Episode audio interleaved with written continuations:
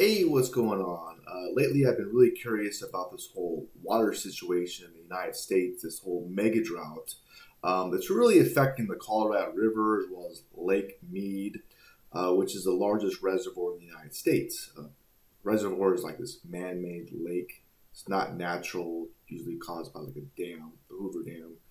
Uh, now, Lake Mead is actually at its lowest level since 1937 when the reservoir was first filled. And if it gets too low, then it's not going to generate electricity, no drinking water, and that's no bueno. Uh, what the U.S. is experiencing experiencing is this mega drought, and it's different than a normal drought. See, a normal drought, it's dry, then it gets wet again, and the mega drought is just super dry for a long period of time, and the whole area has been experiencing this mega drought since the year 2000. It's a long time ago, right? It's crazy.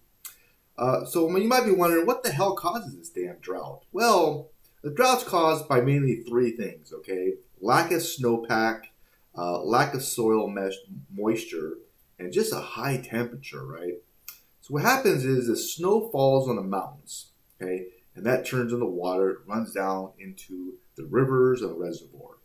And there's, if there's not a lot of snowpack, then that can contribute to the drought.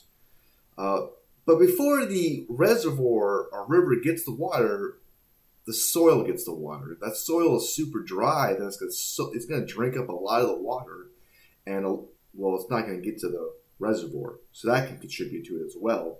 And as you can imagine, if the temperature is like super high, like really hot, then the water's going to evaporate, and that's going to contribute to the drought as well. So all three of those factors can contribute to it.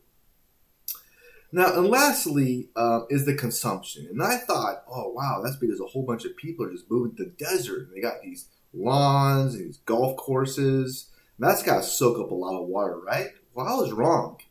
Uh, the truth is, 40% of the water use in the West is actually commercial and residential, you know, like homes and businesses.